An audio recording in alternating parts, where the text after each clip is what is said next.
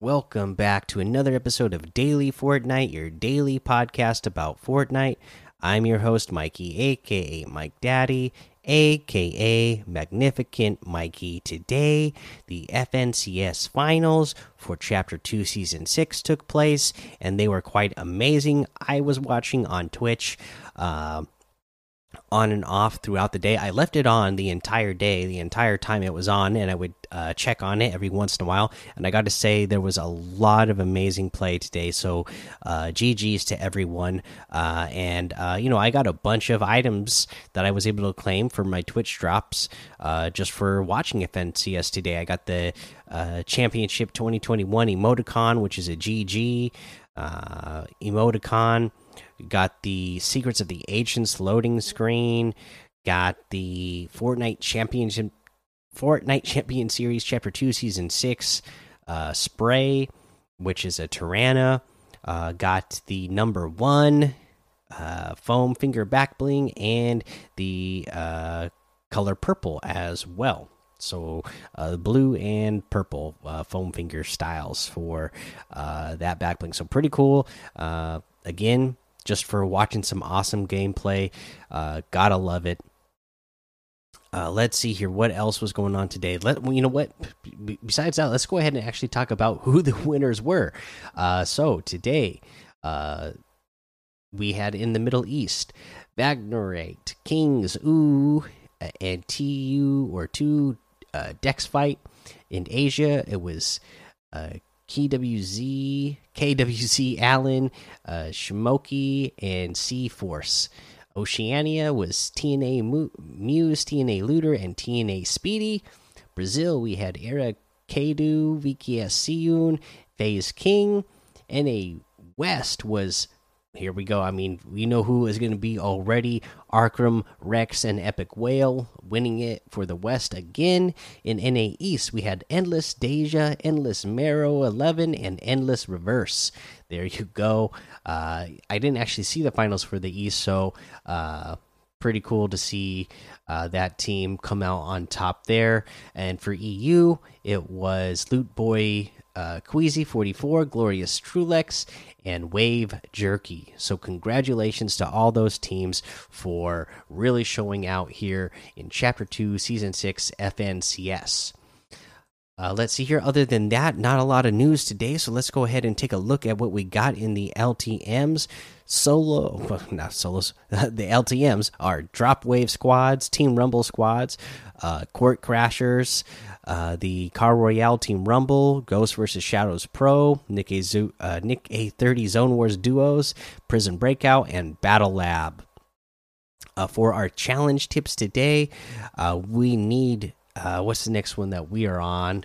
We need to play different game modes. Again, that's super easy. Just go in and look at three different game modes and play whatever three you want to play. There's so many to choose from.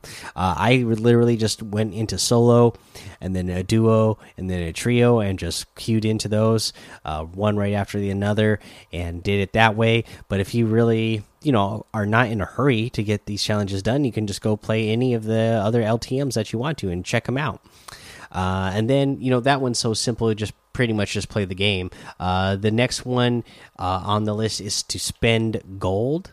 Uh, spend gold uh, bars uh, with Deadfire, and Deadfire again is northwest of Lazy Lake, in a little house that is close to where the waterfall is. So you're going to go over there. You're going to see a, a, kind of a big uh, house there. I guess it's supposed to be like an old Western uh, jail.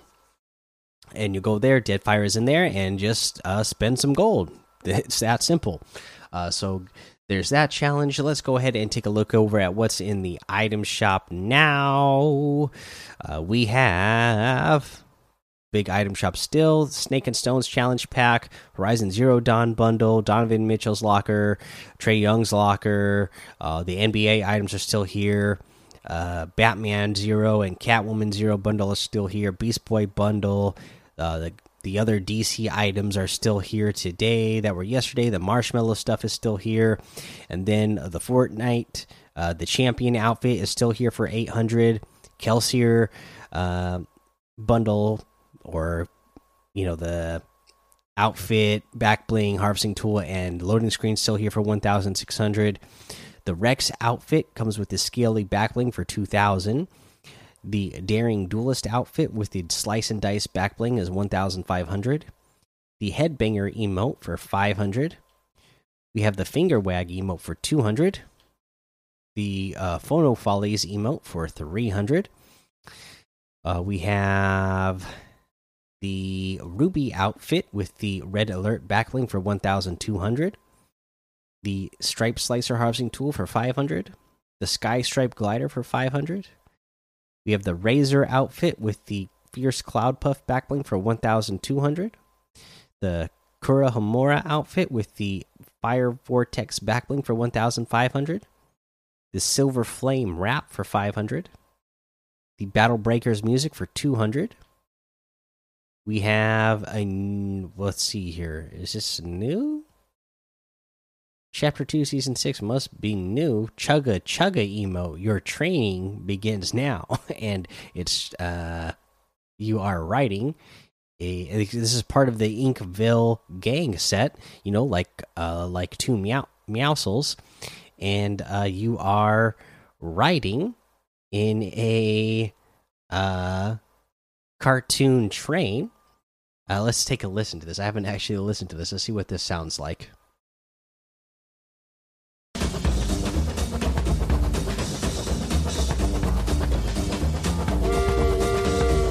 Okay, so there it is. Uh, and then when you do this emote, you will drive the train, and then you can invite other players to join in the train cars behind you. So you will be uh, you know, driving the train, and then the other players that join in on you when you're already doing this emote will uh, join in on a caboose behind you. So that's pretty awesome. Uh, this emote uh, is 600 V bucks. That is really cool. I, I, I like that. Uh, we have the spark plug outfit with the scrappy back bling for 1,200. The kit bash outfit with the trash lid back bling is 1,500. The Bubble Bomber outfit with the Bubble Blast backbling is 1,200. The Bubble Bo Popper harvesting tool is 800. The Bubbly Bombs wrap is 300.